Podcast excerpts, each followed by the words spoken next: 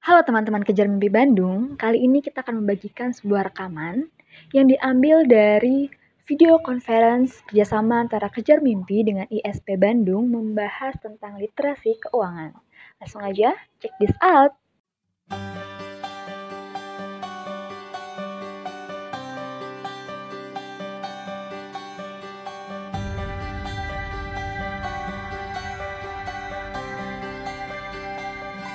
Mungkin kita langsung aja nih untuk ke analisis fundamentalnya. Itu ada pendekatan apa aja ya, Kak? Uh, kalau pendekatannya itu di sini kalau ada di apa analisis fundamental ini kita membaginya dua sih pendekatannya, yaitu top down dan bottom up approach. Nah, top down sendiri top down sendiri itu menganalisa ekonomi secara globalnya dulu dari makroekonomi ke sektor industri baru ke perusahaannya. Kalau bottom up itu sebaliknya intinya. Nah, komponen utamanya itu ada tiga intinya itu yaitu analisa ekonomi, analisa industri, dan juga analisa perusahaan. Ya gitu sih. Uh, mungkin boleh langsung aja Kak dijelasin analisa ekonomi itu gimana, analisa industri, dan juga analisa perusahaan. Uh, nah ini sebelumnya saya mau ini aja sih, uh, kilas balik aja dulu. Kalau apa sekarang kan ISG itu ya lagi turun ya. Betul, karena ya. masalah pandemi ini. Nah, sebenarnya sih kalau dari dari rata-rata sih Indonesia ini tergolong baik sih uh, ISG-nya di ASEAN. Ya walaupun saat ini emang jatuh banget udah udah apa mengenai harga pada saat tahun 2016 udah turun ke angka di bawah 4000. Eh di bawah ya di bawah 4000. Terus lanjut aja kali ya. Nah, di sini ya, boleh ada, aja. ada analisa ekonomi yang pertama itu saya ngambilnya yang top down aja. Biasanya kan orang memakainya itu kan. Nah, di sini kita bisa lihat uh, kita bisa patokannya ke Federal Reserve System atau uh, bank bank Amerika lah. Itu bank Amerika itu maksudnya bukan bank pemerintahannya Amerika tapi itu gabungan gabungan dari entitas bank-bank swasta. Nah, kebijakan kebijakannya itu biasanya diikuti oleh bank-bank sentral negara lain. Contohnya itu kayak Bank Indonesia sendiri. Mereka kan apa? Mereka kan patokannya juga ke Bank The Fed ini. Misalnya kayak uh, masalah pandemi ini uh, dari The Fed sendiri dia suku bunganya rencana ingin menurunkan juga dari dari kalau nggak salah dari 4,75 turun ke 25 poin. Nah, di situ juga uh, Bank Indonesia juga akan mengikuti juga mengikuti uh, yang dari atasnya juga ini. Soalnya kan The Fed ini sangat berpengaruh berpengaruh di bank-bank sentral. Terus yang kedua itu ada nilai tukar. Uh, harga saham sama nilai apa sama nilai tukar atau lemah kuatnya nilai tukar itu emang berjalan gitu. Uh, berja pokoknya sama. Intinya itu kalau misalnya uh, kayak sekarang rupiah sama do, apa rupiah itu lemah terhadap dolar. Nah, dampaknya apa? Ya sekarang harga-harga saham pada jatuh, ya ISG pada turun. Nah, itu salah satunya.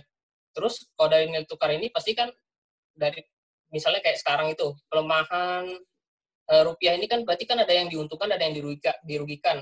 Nah, siapa aja sih yang dirugikan itu? Nah, yang dirugikan itu pasti dari importir, dari pemerintah kita sendiri kan e, utangnya jadi menambah kan karena e, rupiahnya melemah gitu. Ibaratnya uh, biaya biaya yang dikeluarkan menjadi lebih banyak gitu. Nah, terus di sini juga ada inflasi. Inflasi ini ada hubungannya juga dengan harga saham, apa harga saham. Jadi inflasi yang baik itu kan ada tiga.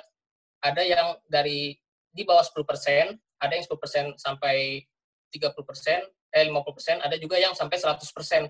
Nah, eh, negara yang dikatakan baik itu kondisinya sehat itu kalau inflasinya itu di bawah 10%. Nah, ya intinya kalau emang ya, apa inflasinya masih terbilang cukup baik, berarti nanti harga sahamnya juga masih bisa dikatakan stabil atau bisa meningkat juga. Nah, di sini juga saya udah menggambarkan juga kalau inflasi itu kan intinya kan biaya produksi pasti meningkat. Terus eh, akibatnya apa? Keuntungannya turun perusahaan. Nah, karena keuntungannya uh, keuntungan perusahaan menurun, berarti peminat saham juga menurun, gitu sih. Oke oke, jadi um, untuk di analisa ekonomi sendiri itu ada beberapa yang harus kita perhatikan ya. Nah yang pertama itu adalah kebijakan dari The Fed tadi Kak Ilham bilang. Kenapa sih The Fed? Yes. The Fed kan di US, iya betul karena kita tahu sendiri kalau ekonomi global itu sangat terpengaruh oleh negara Amerika dan China karena mereka adalah dua negara yang ekonominya um, besar gitu. Jadi kebijakan-kebijakan yang diambil oleh The Fed pasti akan berpengaruh kepada Indonesia gitu ya kayak. Ya. Terus yang Ya, kedua betul. itu ada nilai tukar rupiah. Jadi em, ya saat rupiah terdepresiasi dan terapresiasi itu pasti berpengaruh terhadap kinerja saham. Dan yang ketiga itu ada inflasi ya kak ya. Ya. Iya, jadi inflasi yang di bawah 10% itu masih bisa dinyatakan baik karena inflasi sendiri meskipun artinya adalah kenaikan harga-harga barang secara umum tapi itu juga menunjukkan kalau ada pertumbuhan ekonomi dan inflasi Indonesia itu sekarang di 5% ya kalau nggak salah rata-ratanya setiap tahun gitu. Mungkin boleh dilanjut Kak em, ke yang berikutnya. Nah, di sini juga ada eh, ada pengaruh juga dari produk domestik bruto. Di sini kan intinya kan produk domestik bruto kan mengindikasikan eh, seberapa kuat apa sih eh, consumer gitu. Kalau misalnya PDB-nya turun, berarti kan konsumsi di Indonesia itu di masyarakat Indonesia itu pasti turun kan. Nah di situ Betul. apa sih pengaruhnya? Ya balik lagi eh, perusahaan berarti karena eh, perusahaannya pendapatannya turun. Nah di situ juga eh, peminat saham juga turun. Sama juga sih pokoknya intinya profitabilitas perusahaan turun ya peminat saham juga pasti ya kurang. Terus juga ada suku bank eh, bank bank Indonesia tadi udah jelasin juga eh, pokoknya di bank Indonesia ini nggak bisa nggak bisa mengambil keputusannya sendiri gitu. Pasti kan ada pertimbangan juga dari global apakah global eh, maunya suku bunga turun atau enggak gitu. Nah kalau misalnya suku bunga turun itu pasti berdampaknya pada eh, ini obligasi. Kalau suku bunga turun berarti eh, peminat obligasi turun, tapi peminat saham bakal naik. Sebaliknya kalau suku bunga eh, suku bunganya tinggi, berarti obligasinya juga tinggi juga. Otomatis kan orang daripada nggak mau ribet kan mau beli saham mending ke obligasi aja yang udah terjamin kayak obligasi dari pemerintah gitu. Oke, nah ini ada indikator lainnya nih teman-teman. Tadi kan udah ada tiga ya, sekarang yang keempat itu ada PDB atau GDP gitu. Jadi kalau kita sering dengar pertumbuhan ekonomi itu adalah pertumbuhan GDP maksudnya.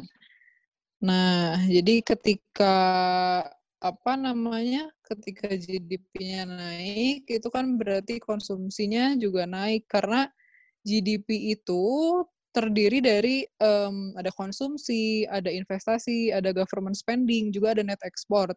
Dan konsumsi itu kalau saya tidak salah eh, adalah apa mencakup gitu. Jadi makanya itu berpengaruh. Dan yang selanjutnya itu ada suku bunga ya kak ya. Ketika suku bunganya itu tinggi, nanti peminat sahamnya akan menurun. Seperti yang tadi udah dijelasin. Dan ketika suku bunganya rendah, peminat saham akan naik gitu. Oke, boleh dilanjut kak eh, selanjutnya tentang analisa industri ya kak ya.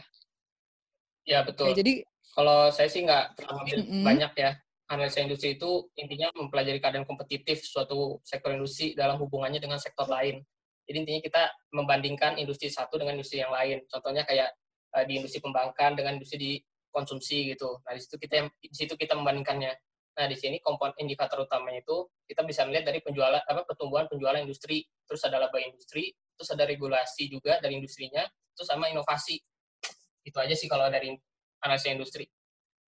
Soalnya oke. kalau apa, kalau biasanya sih orang lihatnya sih dari global dulu sih, intinya dari global. Kalau dari Mm-mm. industri sendiri ya mending lebih baik ke perusahaannya aja langsung yang mau dipilih. Oke, baik. Tapi mungkin secara eh, general sektornya juga kita harus lihat kali ya. Mungkin kayak contohnya sekarang ya kak ya, sektor oil and gas. Mungkin itu udah nggak seagresif dulu gitu pergerakannya kali ya kak. Ya, Yang sekarang. Jadi mungkin bisa lihat secara keseluruhan aja ya untuk analisa industri. Ya, Iya, oke. Berarti langsung aja nih kita ke analisa perusahaan ya. ya. Kalau di sini di Oke, apa, baik. singkatnya ini analisa perusahaan ini yang pasti kita untuk mencari pertumbuhan pendapatan dari perusahaan itu sendiri. Apakah setiap tahun itu pertumbuhannya naik atau enggak?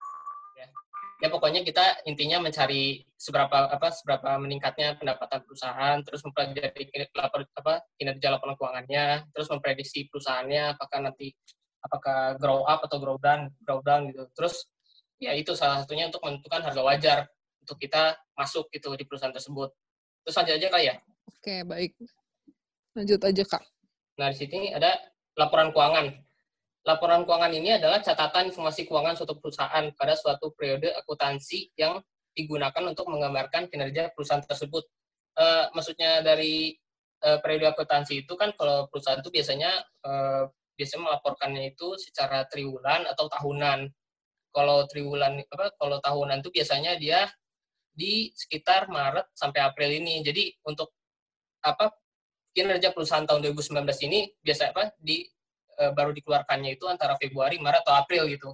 Jadi ini saat-saat yang bagus lah untuk memprediksi gitu apakah saham eh, apa apakah saham apa perusahaan ini sahamnya baik atau kini apa dan juga kinerja perusahaannya juga apakah udah lebih baik dari tahun sebelumnya. Terus okay. di sini ada komponennya uh, uh, yaitu balance sheet, cash flow dan income statement. Ya mungkin itu sih dulu. Oke. Okay.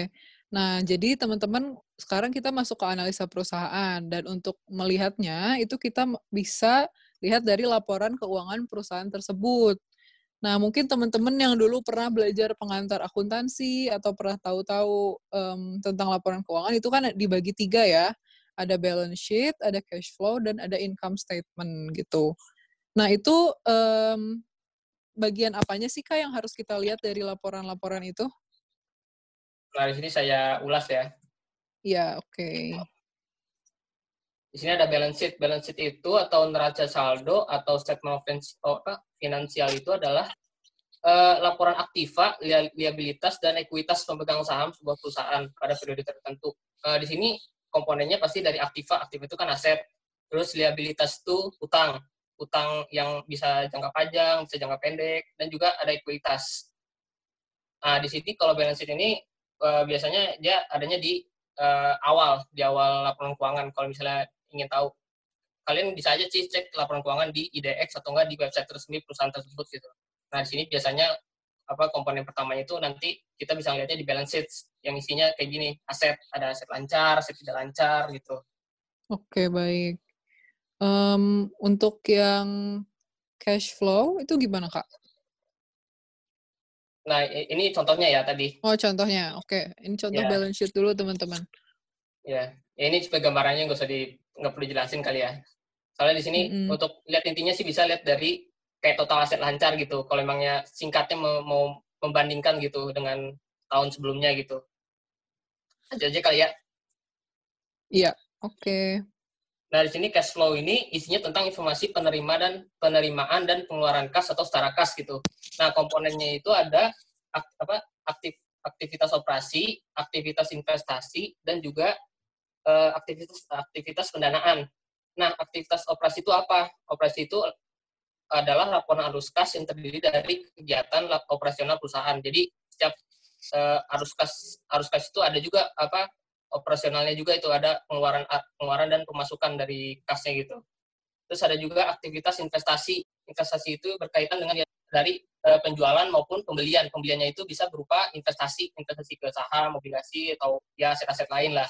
Terus yang ketiga itu ada aktivitas pendanaan. Pendanaan itu yang pasti bisa, bisa ada terkait dengan bank juga. Terus ada juga uh, ini juga sih masalah seperti penyetoran modal awal dan juga utang bank gitu utang bank ataupun obligasi lah. Oke, baik. Jadi itu ya uh, gambarannya tadi tentang cash flow. Mungkin ada tadi contohnya belum ya kayak? Ya? Oh, ini contohnya. Contoh Di sini ada harus kas ya udah jelasin. Pokoknya ada operasi, investasi sama pendanaan. Tapi saya ini saya ya karena nggak muat jadi segini aja lah. Oke, okay, iya. Terus lanjut aja ya. Mm -mm, boleh dilanjut. Nah, di sini ada income in, apa income statement. Income statement itu untuk mengukur keberhasilan operasional perusahaan selama jangka waktu tertentu. Nah, di sini komponennya itu ada pendapatan. Pendapatan itu uh, yaitu uh, harus masuk atau peningkatan aktiva ya, uh, ya apa? Ya pokoknya itu aktivitas harus masuk peningkatan aset lah intinya. Terus yang kedua ada beban. Beban beban itu harus keluar atau penggunaan penggunaan. Pokoknya ada pembiayaan atau mungkin hutang gitu, liabilitas Nah, yang ketiga itu ada keuntungan. Keuntungan itu yang pasti peningkatan ekuitas nilai aset. Nah, yang keempat itu baru ada kerugian. Kerugian itu penurunan penurunan aset atau ekuitas lah. Intinya ya penurunannya penurunannya itu bisa karena uh, hutang. Nah, mungkin itu sih. Dari income statement. Oke. Okay. Mm -mm. Mungkin bisa langsung dilihatin aja Kak contoh income statement-nya. Nah, ini contohnya. Nah, Di sini juga apa di sini pasti paling atas tuh penjualan apa penjualan neto atau lab, apa penjualan bersihnya. Terus ada kayak beban jualan, laba apa laba bruto sampai ke akhirnya laba tahun berjalan. Nah, itu setelah dikurangin sampai ya pokoknya dari atas ke bawah itu ada pengurangan lah yang dalam tanda kurung. Hmm, oke okay, baik. Nah, berarti jadi udah dijelasin ya sama Kak Ilham, kalau kita mau analisis perusahaan, itu kita bisa dilihat dari laporan keuangannya. Yang mana laporan keuangannya itu ada terdiri dari tiga, yaitu balance sheet, cash flow, dan income statement. Yang mana tadi juga contohnya udah diliatin ya secara umum kayak gimana bentuknya gitu. Nah, dari laporan-laporan itu ada ini ya kayak ada rasio-rasio yang harus kita perhatikan ya? Iya, betul saya ngambilnya ya, yang itu mungkin sederhana apa aja, ya. Mm -mm. Nah, ini ada rasio rasio rasio penting. Oke. Okay. Ya. Nah, di sini ada ROE. ROE itu adalah return of asset, yaitu mengukur kemampuan perusahaan untuk menghasilkan laba dari seluruh sumber daya atau asetnya gitu. Pokoknya intinya itu perbanding apa mencari perbandingan antara laba bersih setelah pajak dengan total aset yang dimiliki. Nah, di sini rumusnya itu eh, ROE itu sama dengan laba bersih per total aset dibagi total aset kali 100% karena di sini ROE ini pakai persentase gitu. Oke. Okay. Itu contohnya gimana ya Kak untuk kalau kita analisa analisa langsung di laporan keuangan? Ini saya ada ambil sih lebih jelas. dari ya di sini saya ngambil hmm. dari laporan ICB apa ICBP eh, yang tahun apa kan ini baru keluar nih laporan tahunan tahunannya ya sekalian aja kita bahas aja kali ya. Nah di yeah. sini iya. kalau untuk ROE ini kita bisa kan tadi rumusnya tadi kan e, laba bersih per total aset kali 100%. Nah, di sini yang kita ketahui itu laba bersih ICBP itu e, ya di sini jutaan gitu apa di sini hitungannya e, dipersingkat aja karena kan e, apa jutaan lah kalau dari laporan keuangan itu. Jadi di sini ada 5000 apa 5 juta 736. Nah, untuk total asetnya itu berjumlah 38 juta. Nah, di sini untuk memakai rumusnya itu kita tadi bisa dipakai yaitu laba bersih dikurang uh, laba bersih dibagi total aset. Di sini hasilnya itu uh, 14,81 persen. Jadi intinya itu ROE apa ROE untuk ICBP tahun ini adalah 14,81 persen gitu untuk tahunannya ya. Tapi bisa juga kalau misalnya mau analisis apa laporan laporannya yang tribulan, berarti kita ngasihnya itu harus uh, per tahun juga harus dikonversikan ke tahun, nggak bisa ke triwulan aja. Oke, gitu. baik. Iya. Oke, jadi yang pertama tadi ada rasio profitabilitas ya yang harus kita lihat atau return on asset atau disingkat juga dengan ROA. Yang mana rumusnya itu adalah laba bersih dibagi total aset dikali 100%. Gitu, teman-teman. Mungkin boleh lanjut Kak ke rasio yang selanjutnya. Nah, ini selanjutnya ada ROE. ROE itu adalah persentase keuntungan dari modal yang dimiliki. Intinya seberapa uh, apa, seberapa mampu itu perusahaan untuk mendapatkan keuntungan dari modal yang ada. Nah, di sini rumusnya itu ada laba bersih dibagi uh, total ekuitas, total modal, total modal yang punya saham itu. Terus hitungannya juga pasti persentase, jadi dikali 100%. Okay. Nah, di sini ada contohnya.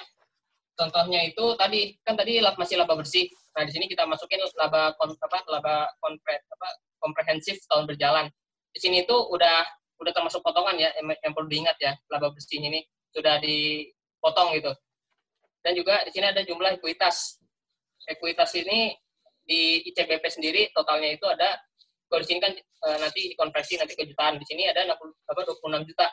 Nah, di sini kita bisa masukin rumusnya 5 juta dibagi 26 juta hasilnya adalah 0,21 atau 21, 5 persen. Jadi ROE IJ, apa, IJBP saat ini itu yaitu 21,5 persen untuk lapor apa hasil dari laporan tahunan sekarang. Oke, nah ini rasio yang kedua itu ada ROE atau return on equity ya. Jadi laba bersih dibandingkan dengan modal bersihnya. Kalau tadi kan dibandingkan dengan seluruh total asetnya ya kak ya. Jadi itu yeah. beda. Ya, tadi ROA, ini adalah ROE gitu teman-teman. Oke deh, boleh dilanjut lagi kak rasio selanjutnya. Nah di sini ada net profit margin. Di sini untuk mengukur seberapa besar kemampuan perusahaan untuk menghasilkan laba bersih dari penjualannya, yaitu net sales. Uh, ya intinya kan net profit itu kan laba bersih kan. Uh, ya laba apa ya pokoknya laba bersih. Nah di sini rumusnya itu uh, tadi uh, net profit atau penjualan bersih sebelum apa sebelum dikurang pajak atau bisa juga laba bersih benar laba bersih gitu. Nah dibagi penjualan. Penjualannya penjualan bersih juga. Pokoknya sudah pokoknya sudah tidak terhitung dengan diskon lah. Sudah dihitung dengan diskon atau pemotongan gitu terus ini ada contohnya. Contoh contohnya apa tadi? Kita masih berputar pada laba apa laba bersih ya. Di sini udah tertera yaitu 5 juta. Terus ada penjualan neto. Penjualan bersihnya tadi kan 42 juta. Nah di situ baru kita bisa menggunakan rumus ini yaitu 5 juta dibagi 40 juta, 42 juta. Nah, hasilnya itu adalah 13,56 persen. Jadi untuk uh, eh, NPM dari ICBP apa tahun ini tahun 2019 ini adalah 13,56 persen gitu. Oke. Nah, ini rasio yang ketiga ada net profit margin ya, teman-teman. Jadi rumusnya adalah net profit dibandingkan dengan sales atau total penjualan dikalikan 100%. Oh iya Kak, mungkin tadi agak terlewat mungkin bisa diinfoin ke teman-teman sebenarnya ROA, ROE dan NPM NPM ini yang bagus itu yang ada di berapa persen ya kak ya? Nah kalau untuk uh, idealnya sih kalau ROE itu sama ROA itu 20 persen sih. Kalau idealnya ya mm-hmm. untuk perusahaan akan mendapatkan keuntungan dari modal. Kalau dari NPM sendiri itu ya intinya ya di atas 20 persen apa 20 persen lebih baik itu. Iya, jadi temen jadi teman-teman bisa pilih uh, saham-saham yang mempunyai ROA, ROE dan NPM yang tinggi gitu ya kak intinya ya. Ya, tapi perlu diingat juga kan kita nggak bisa pakai uh, uh, salah satu apa memakai beberapa rasio gitu. Kan kita harus yeah. ada pembandingnya juga yang lain. Betul, ya. Mm, dibandingkan juga dengan perusahaan lain gitu ya. Ya. uh, rasio yang selanjutnya boleh kak dilanjut? Nah, di sini ada rasio pasar. Salah satunya itu EPS, earning per share, yaitu pembagian antara laba bersih yang didapatkan oleh perusahaan di periode tertentu dengan jumlah saham yang beredar. Jadi ya rumusnya laba apa laba laba dibagi jumlah lembar saham yang beredar. Nah, di sini ada contohnya. Uh, tadi kan laba masih laba bersih, yaitu tadi 5 juta tadi dibagi jumlah saham yang beredar. Kalau ICBP sendiri apa list share-nya atau saham yang beredarnya itu adalah 11 miliar lah, 11 miliar. Nah, di sini baru kita bisa uh, mengetahui uh, rumus apa hasilnya gitu dari uh, tadi itu ya EPS tadi itu hasilnya itu adalah 40, apa 492 har, apa per lembar saham harganya dari pembagian ini. Oke. Okay. Uh, boleh dilanjut lagi aja Kak ke yang selanjutnya, rasio selanjutnya. Dan ya. ini ada uh, price earning ratio yaitu mengukur seberapa murah atau mahal harga saham suatu perusahaan rumusnya itu adalah market price per share per earning per share. Jadi intinya harga saham sekarang dibagi EPS tadi yang kita udah uh, cari ya. Nah sini ada uh, bisa dijabarkan juga. Nah, di sini kan uh, harga saham ICBP itu saya ngambilnya sih yang untuk saat ini aja sih. Untuk itu iya. kalian bebas bebas mau mengikuti dari laporan tahun apa laporan tahunannya itu dari mungkin Januari atau enggak dari pas keluarnya juga terserah itu intinya kan kita untuk mengetahui aja gitu seberapa murah sih seberapa apa seberapa murah atau mahal harga perusahaan tersebut. Nah di sini EPS-nya tadi kan sudah saya uh, cari yaitu 492 per lembar saham. Nah di, sini baru kita masukin harga saham dibagi EPS hasilnya adalah 21 kali. Artinya tuh apa? Uh, berarti dengan harga apa? Dengan harga sahamnya 10.200 uh, kita untuk apa balik modal itu membutuhkan 20 kali. Di sini kan tadi setiap apa keuntungan per lembar sahamnya per lembar saham per tahunnya itu kan 492. Berarti kita membutuhkan 21 tahun untuk balik modal. Intinya gitu sih. Jadi kalau per yang baik itu kalau bisa sekecil mungkin. Tapi ya tergantung lagi, balik lagi. Kan perusahaan itu beda-beda. Uh, misalnya di rasio tertentu ya lebih tinggi gitu. Jadi jadi nggak bisa ini nggak bisa berdiri sendiri. Kita harus pakai rasio yang lain. Hmm, oke okay, baik baik. Jadi tadi ada udah dijelasin lagi dua rasio yang lain yaitu adalah EPS atau earning per share yang mana rumusnya adalah uh, tadi laba bersih ya dibagi jumlah lembar sahamnya. Terus yang kedua, yang selanjutnya adalah PER atau per price earning ratio. Jadi kita bisa lihat nih seberapa murah atau mahalnya harga saham suatu perusahaan ya. Dengan rumus adalah market price per share dibagi earning per share. Itu ya, Kak? Ya. Ini turunannya Oke. lah. Oke. Mm Oke, boleh ada, dilanjutkan lagi. ya, di sini ada book value per share, yaitu rasio yang digunakan untuk membandingkan ekuitas pemegang saham dengan jumlah saham yang beredar. Ya rumusnya ini, ya ini tot- apa, total ekuitas. Ekuitas dibagi jumlah saham yang beredar. Nah, di sini ada rum apa eh, contohnya itu ya, yang saya ambil tadi kan dari laporan tahunan CPP 2019 itu ekuitasnya itu ada 25 juta. Untuk jumlah saham yang beredarnya tadi kan udah 11 miliar. Ini nilai sebenarnya ya. Kalau ini kan eh, di laporan keuangannya ini kan dikonversikan. Jadi nanti bisa ditambah nolnya 6 gitu, eh, nolnya 6. Di sini kan jutaan hitungannya. Nah, di sini kalau dari rumusnya kita dapat menghasilkan harga apa BVPS itu, value per share-nya itu adalah 2169 untuk eh, tahun ini apa ICBP tahun ini. Oke. Dilanjut aja, Kak. Nah, terus ada ini price book value ini turunannya itu yaitu rasio yang digunakan untuk membandingkan nilai pasar saham dengan perusahaan nilai bukunya tadi. Yang book value-nya. Di sini rumusnya harga saham dibagi nilai buku saham. Di sini ada contohnya eh, tadi harga saham CBP masih sama eh, saya carinya yang tadi yang yang kemarin harga terakhir, apa harga terakhir yaitu 10.200 dibagi apa BVPS yang saya eh, apa selesai tadi selesaikan rumusnya tadi yaitu 2.169 udah tinggal dibagi aja Eh, harga saham dibagi BVPS hasilnya itu adalah 4 4,7 kali jadi eh, apa sih maksudnya Eh, 4 kali 4,7 kali itu berarti eh, ini apa har- harga buku sahamnya itu terbilang eh, apa mahal karena rasio yang apa rasio yang baik itu antara 0 dan 1 gitu. Kalau lebih dari satu Hmm. itu dikatakan perusahaan itu mahal, masih mahal lah intinya. Di sini ya intinya kalau memang mau cari saham yang wajar itu kita harus salah satunya harus ke PBV ini. Kalau misalnya di atas satu pasti udah jelas harga apa harga perusahaannya itu mahal, dikatakan masih mahal gitu. Kalau kalau di bawah satu 0, apa 0,5 atau itu ah, atau so- apa atau 0,6 0,7 itu ah, itu Iya. perusahaannya itu di bawah harga di bawah harga yang seharusnya Oke, baik. Jadi tadi ada dua rasio lagi, teman-teman, yaitu book value per share atau rasio yang digunakan untuk membandingkan ekuitas pemegang saham dengan jumlah saham yang beredarnya. Ya, jadi Ya. eh, rumusnya itu adalah total ekuitas dibagi jumlah saham yang beredar. Terus rasio yang selanjutnya itu tadi ada price book value atau PBV. Nah, itu untuk menggun untuk membandingkan nilai pasar saham perusahaan dengan nilai bukunya. Yang mana eh, rumusnya adalah harga saham dibagi nilai buku saham. Tadi PBV yang baik itu berkisar antara 0 sampai 1 ya Kak Ilham ya. ya Oke, Ini masih ada lagi nggak? Mm-mm. ya ada kalau untuk value investor ya ini apa salah satu apa indikator utamanya itu pakai rasio PBV sama PER kalau mau cari perusahaan yang diskon istilah istilahnya harganya apa harganya nggak masuk akal gitu Hmm, lagi murah Nah, gitu ya Kak ya. ini mungkin terakhir aja ini uh, quotes-nya dari Warren Buffett if you don't find a way to make money while you sleep apa while you sleep apa sleep you will work until you die.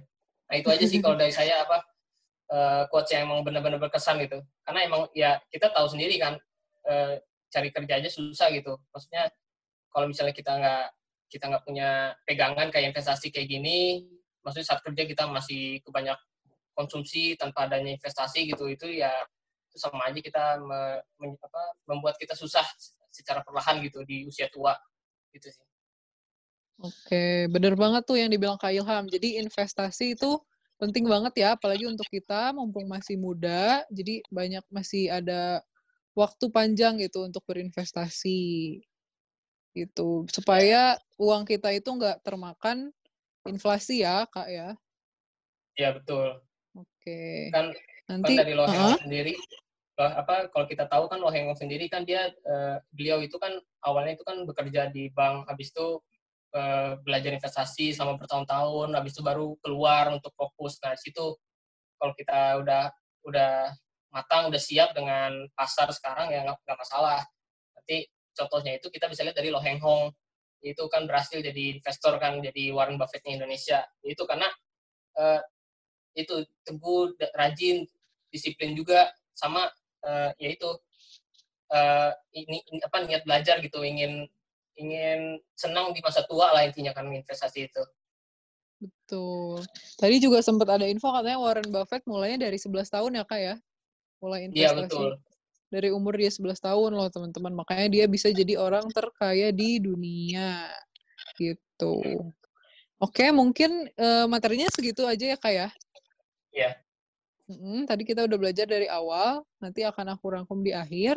Tapi sekarang kita masuk dulu ke sesi tanya jawab ya kak. Ya. Ini juga sama nih, udah banyak banget teman-teman yang nanya pada antusias sekali. Mantap nih. Oke, masuk ya ke pertanyaan yang pertama. Oke. Oh, katanya ini, apa sih kah hubungannya suku bunga turun dengan uh, saham? Tadi yang dijelasin di awal, Kak. Mungkin ya, boleh diulangi. Oh ya, kalau intinya kan suku bunga itu pasti suku apa? Intinya kan ada bunga kan. Bunga itu kan pasti mempengaruhi nanti ke obligasi atau ke deposito. Nah itu kan kayak obligasi sekarang masih terbilang masih rendah sih kalau sekarang. Kalau dibanding dua tahun apa dua tahun sebelumnya. Kalau dua tahun apa dua tahun sebelumnya itu obligasi itu lagi apa lagi bagus-bagusnya. Jadi banyak orang yang lebih uh, cenderung untuk beli obligasi itu kan kayak dari uh, pemerintah. Kalau dari pemerintah kan obligasinya jelas. Itu nanti ada uh, pendapatan pendapatan tetap gitu intinya kan. Dibanding saham. Kalau saham kan kita cari sendiri kita eksekusi sendiri gitu. Obligasi ya kalau misalnya kita ngambilnya ke pemerintah ya lebih enak. Karena pemerintah yang ngurus Betul. dan ada jaminannya. Nggak bakal ada pengurangan gitu. Hmm. ya jadi gitu ya um, apa namanya kan selain investasi eh selain saham jenis-jenis instrumen investasi itu banyak ada deposito, terus juga ada obligasi dan yang lainnya, yang mana itu e, dipengaruhi oleh suku bunga. Ketika suku bunga dia naik, berarti returnnya juga naik, gitu ya kak ya? Ya, Return obligasi naik. Nah, ketika return obligasi naik, ya udah mungkin orang-orang akan lebih prefer untuk pilih obligasi ya daripada saham, karena ya. kan juga memang lebih aman gitu. Tapi ketika suku, suku bunga mereka turun, Nah, orang-orang akan uh, cenderung lari ke saham gitu ya, Kak ya? Iya. Oke, terus yang pertanyaan kedua nih. Mudah-mudahan menjawab ya tadi ya. Apa bedanya perusahaan first liner dengan second liner, Kak? Kalau itu kan ada tiga, first liner, second liner, sama third liner. Itu kita lihatnya dari market capital, apa kapital, kapitalisasinya. Kalau first liner itu eh, market kapitalisasinya itu di atas 50 triliun. Kalau yang Eh, second liner itu dari uh, 10 sampai 50. Nah, untuk third apa third liner itu yang ketiga itu di bawah 10 10 apa 10 triliun ya 5 lah 5, di bawah 5 triliun. Itu biasanya apa perusahaan-perusahaan yang baru IPO atau initial public of, apa offering. Itu ya itu kalau untuk perusahaan baru kan uh, ya pasti kan market kapitalisasi apa kapitalisasinya masih rendah. Jadi itu dia termasuk kategori ke third liner kalau yang first signer itu pasti ke blue chip. Kalau mau cari blue chip gampangnya ke uh, ini indeks LQ45 kalau mau cari kan itu rata-rata itu kan fluktuatif uh, harga apa LQ45 itu kan performa perform apa uh, likuiditas perusahaan uh, yang paling tinggi gitu. Nah, itu kan biasanya kebanyakan dari blue chip perusahaannya gitu. Ya walaupun ada juga sih second liner. Oke. Itu ya tadi uh, dijawab, semoga menjawab ya. Terus uh, pertanyaan yang ketiga ya. Ini ada dari uh, Hendra Alfarabi. Um, katanya gini kak, tolong dong supaya nggak terlalu te teoritis katanya. Untuk uh, seseorang yang menganut funda analisis fundamental, ada nggak tips atau kiat-kiat untuk membeli saham di tengah pandemik ini? Gitu. Karena pengalaman saya beberapa minggu ini uh, sahamnya susah diprediksi. Tuh. Ya, kalau dari saya sih, kalau emangnya udah nanam sebelumnya, sebelum kejadian ini, mending wait and see aja. Tapi kalau yang belum sih, nah, yang kalau yang belum juga, yang apa kita wait and see aja. Soalnya kan dari pemerintah sendiri kebijakannya kan kita belum tahu juga kan. Kan kita ISG juga berpengaruh ke apa sangat apa berpengaruh ke kebijakan pemerintah gitu. Apalagi kan ada rencana pas pandemi ini kan ada isu lock, lockdown. Itu kan kalau lockdown itu berarti kan mempengaruhi ISG berarti kan ada ada ada yang bermasalah di Indonesia gitu. Sama aja kayak ya kayak di Filipina. Di Filipina itu kan udah ada lockdown pas itu sempat sempat ada lockdown ISG-nya nah situ kan untuk apa menghindari penurunan penurunan apa ISG itu ya salah satunya dengan ya jangan lockdown. Maksudnya ya mungkin uh, suspend. Dan juga kalau emangnya tadi kan saya jelasin emang kalau emangnya udah terlanjur ya wait and see aja. Soalnya ya mau mau gimana lagi? Ini kan lebih ke situasi kan. Dan mungkin kalau dari kinerja, kinerja perusahaannya masih bagus untuk saat ini. Jadi nggak sebenarnya nggak perlu panik juga nah yang baru-baru ya mungkin lebih apa lebih baik uh, amati aja dulu uh, ya walaupun sebenarnya uh, ISG turun ini kan uh, banyak yang berdampak kan perusahaan-perusahaan blue chip yang diskonnya gede-gedean gitu kayak Telkomsel, BBRI itu kan bisa sampai 30% 40%. Nah, itu ya kalau mau serok ya hati-hati juga, ya pertimbangkan juga itu. Lihat kondisi di Indonesia apa lihat kondisi ekonomi di Indonesia dulu. Terlebih kalau misalnya ada isu kayak lockdown itu. Gitu sih. Oke, itu tadi jawabannya ya. Kak, mungkin aku mau sedikit tambahin. Ini pendapat aku ya, mungkin boleh dikoreksi. Karena sekarang kan kita situasinya lagi ya lockdown, bisa dibilang PSBB. Uh, eh, mungkin sektor yang akan masih bergerak itu adalah sektor uh, eh, FMCG ya kak ya, sektor ya. makanan. Nah itu hmm. mungkin juga bisa dipertimbangkan. Jadi um, untuk perusahaan seperti Unilever, atau Indofood mungkin dia kinerjanya akan masih baik karena kan konsumsi akan berjalan terus gitu apalagi sekarang bahkan mungkin demand-nya akan lebih uh, tinggi lagi gitu untuk konsumsi mungkin itu bisa dipertimbangkan ya kak ya seperti Indofood ya, atau Unilever atau ya perusahaan-perusahaan FMCG ya hmm. sebenarnya kan ya. kalau untuk saat ini sektor yang paling -hmm. baik kan konsumsi sama uh, finansial perbankan. Ya. kalau untuk yang di lesu itu kan kayak komoditas. Komoditas kan sekarang lagi lesu banget. Boleh kayak harga apa harga minyak turun drastis kan. Betul. banyak yang jual murah per barelnya. Iya. Oke. Okay. itu semoga terjawab ya. Kita ke pertanyaan selanjutnya. Hmm, bentar bentar. Oke, ada yang nanya nih, baiknya pakai rasio tahunan atau yang paling update ya, Kak? Kalau bisa sih yang paling update sih, kalau emangnya ada. Tapi kalau emangnya mau pakai triwulan ya silahkan. Kan ya tergantung kali apa tergantung kalian aja maunya maunya gimana apa mau enaknya gimana gitu mau analisisnya. Tapi kalau kalau bisa sih jangan apa melihat di tahun-tahun sebelumnya juga. Soalnya kan itu pertimbangan juga buat prediksi kan. Kita nggak bisa cuma lihat dari ta apa tahun-tahun ini atau triwulan tahun ini aja. Itu sih. Oke, oke. Itu ya tadi. Terus um, pertanyaan selanjutnya, Kang mau nanya kalau baca cara, cara baca laporan keuangan itu seperti apa ya? Mungkin boleh balik lagi Kak ke oh. yang slide sebelumnya itu tadi. Ada contohnya kan ya? Iya. Mm -mm. Di sini kayak balance sheet, uh, balance sheet itu ya kalau kalau mau lihat lebih gampangnya lihat di uh, yang udah di border nih yang hitam ini yang di border lebih hitam lah. Di sini kan udah jelas ini uh, total totalnya. Kita bisa lihat dari totalnya aja gitu. Nanti baru kita masukin ke rasionya. Kayak tadi apa total aset lancar, total aset tidak lancar nanti digabungin jadi total aset kan. Nah, itu nanti kita bisa cari uh, rasio tadi kayak uh, tadi masalah per ya. Uh, eh bukan uh, ROE ROE. Itu kita bisa cari ROE-nya. Sebenarnya nggak perlu terlalu mendalam sih kalau mau kalau mau apa baca laporan keuangan itu atau enggak kalau emangnya pengen lebih memahami perusahaannya kan di sini ada catatan juga di sini. Kalau ingin tahu kas dan setara kas isinya apa gitu komponennya, terus ada kayak usaha usahanya apa aja gitu. Sama untuk kayak uang muka, uang mukanya siap, uh, ke, ke siapa aja gitu untuk jaminannya gitu. Ya, intinya sih ya melihat ke ini aja, ke totalnya aja kalau mau cari rasio yang diinginkan gitu. Oke, baik. Itu ya, semoga menjawab kita ke pertanyaan selanjutnya.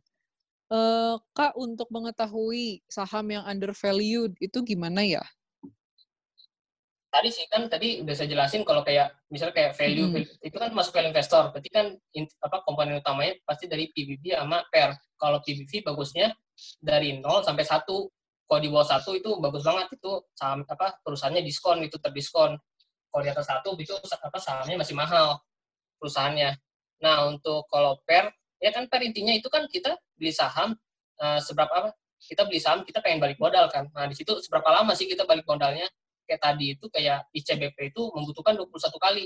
Dari kan tadi dia setiap tahun itu per lembar sahamnya bisa per lembar sahamnya ICBP bisa apa bisa mengambil keuntungan bisa mendapatkan keuntungan sebesar 452 atau 500 lah lembar saham. Nah, kita membutuhkan waktu 21 21 tahun tuh. Jika apa prediksinya setiap tahun itu keuntungannya itu per lembar sahamnya itu 500 500 rupiah gitu. Oke. Itu ya berarti dilihat dari PER dan PBV-nya ya Kak ya. Ya. Oke, ini ada yang mau bertanya lagi nggak? Berapa? Pertanyaannya sepertinya udah semua. Ayo, boleh kok. ma- Masih ada waktu untuk yang mau bertanya. Masih ada 10 menit lagi. Oh, ini Kak. Eh, ini terkait dengan IPO kayaknya. Katanya untuk cara menentukan harga saham awalnya itu gimana ya katanya? Eh, untuk harga saham, awalnya sih udah biasanya kan di situ udah ada kayak perhitungannya di situ kan ada kayak kan sebelum eh, di apa pas mendaftar itu kan pasti ada kayak laporannya kan laporan dari perusahaannya. Di situ nanti bisa ditentukan gitu untuk harga pembukaannya di berapa gitu. Itu ya bisa itu dari itunya sih dari c- kan kan pasti mendaftar dulu kan perusahaannya ke bursa kan. Nah, itu kan pasti Iya. eh, eh, mengumpulkan apa sih memberikan laporannya gitu. Nanti nanti bisa dianalisis berapa sih eh, harga saham apa saham awal apa harga saham awalnya gitu yang cocok Oke. Pertanyaan selanjutnya, ini ada eh ada nggak rekomendasi saham nggak kak yang undervalued saat ini? kalau yang tadi sih yang saya sebutkan itu kayak BBRI Telkomsel itu itu eh, termasuk sih eh, Masuk ya? eh, nggak ma- nggak mahal tapi eh, bisa bisa dikatakan ya nilai intrinsiknya masih apa masih di eh, garis nilai intrinsik lah. Maksudnya di harga yang wajarnya gitu. Kalau emang yang berminat gitu kan apa BBRI sama Telkom Telkomsel itu apa beberapa tahun kemarin kan harganya melonjak kan sampai 4.500 lebih gitu kan. Nah sekarang udah oh 3.000 itu kan berarti kan di situ ada diskon yang sangat besar kan. Berarti kan ya walaupun kita bisa lihat perusahaan apa market kapitalisasi kapitalisasi apa kapitalisasi BB, apa BBRI ini tinggi dan juga kinerjanya bagus. Melihat dis, apa yang harga sahamnya diskon berarti kan ini kesempatan kita gitu kan apalagi kalau misalnya nanti udah corona ini udah pulih kan perbank, perbankan yang paling eh, ber, ber- apa, berpengaruh peningkatannya Oke, baik. Ini mungkin pertanyaan terakhir ya kak. Ya. Ada azam bagaimana cara, ya Zan ya, bagaimana cara menentukan nilai intrinsik suatu perusahaan selain menggunakan PER dan PBV? Nah, di situ eh, bisa juga sih kayak apa ya? Sebenarnya kalau in value investor tuh ada sih beberapa indak, apa beberapa rasio yang lain tapi ya mungkin nanti agak sulit juga membahasnya kan terlalu terlalu ribet lah. Saya ngambilnya dua aja PPP sama PER soal itu kan paling inti.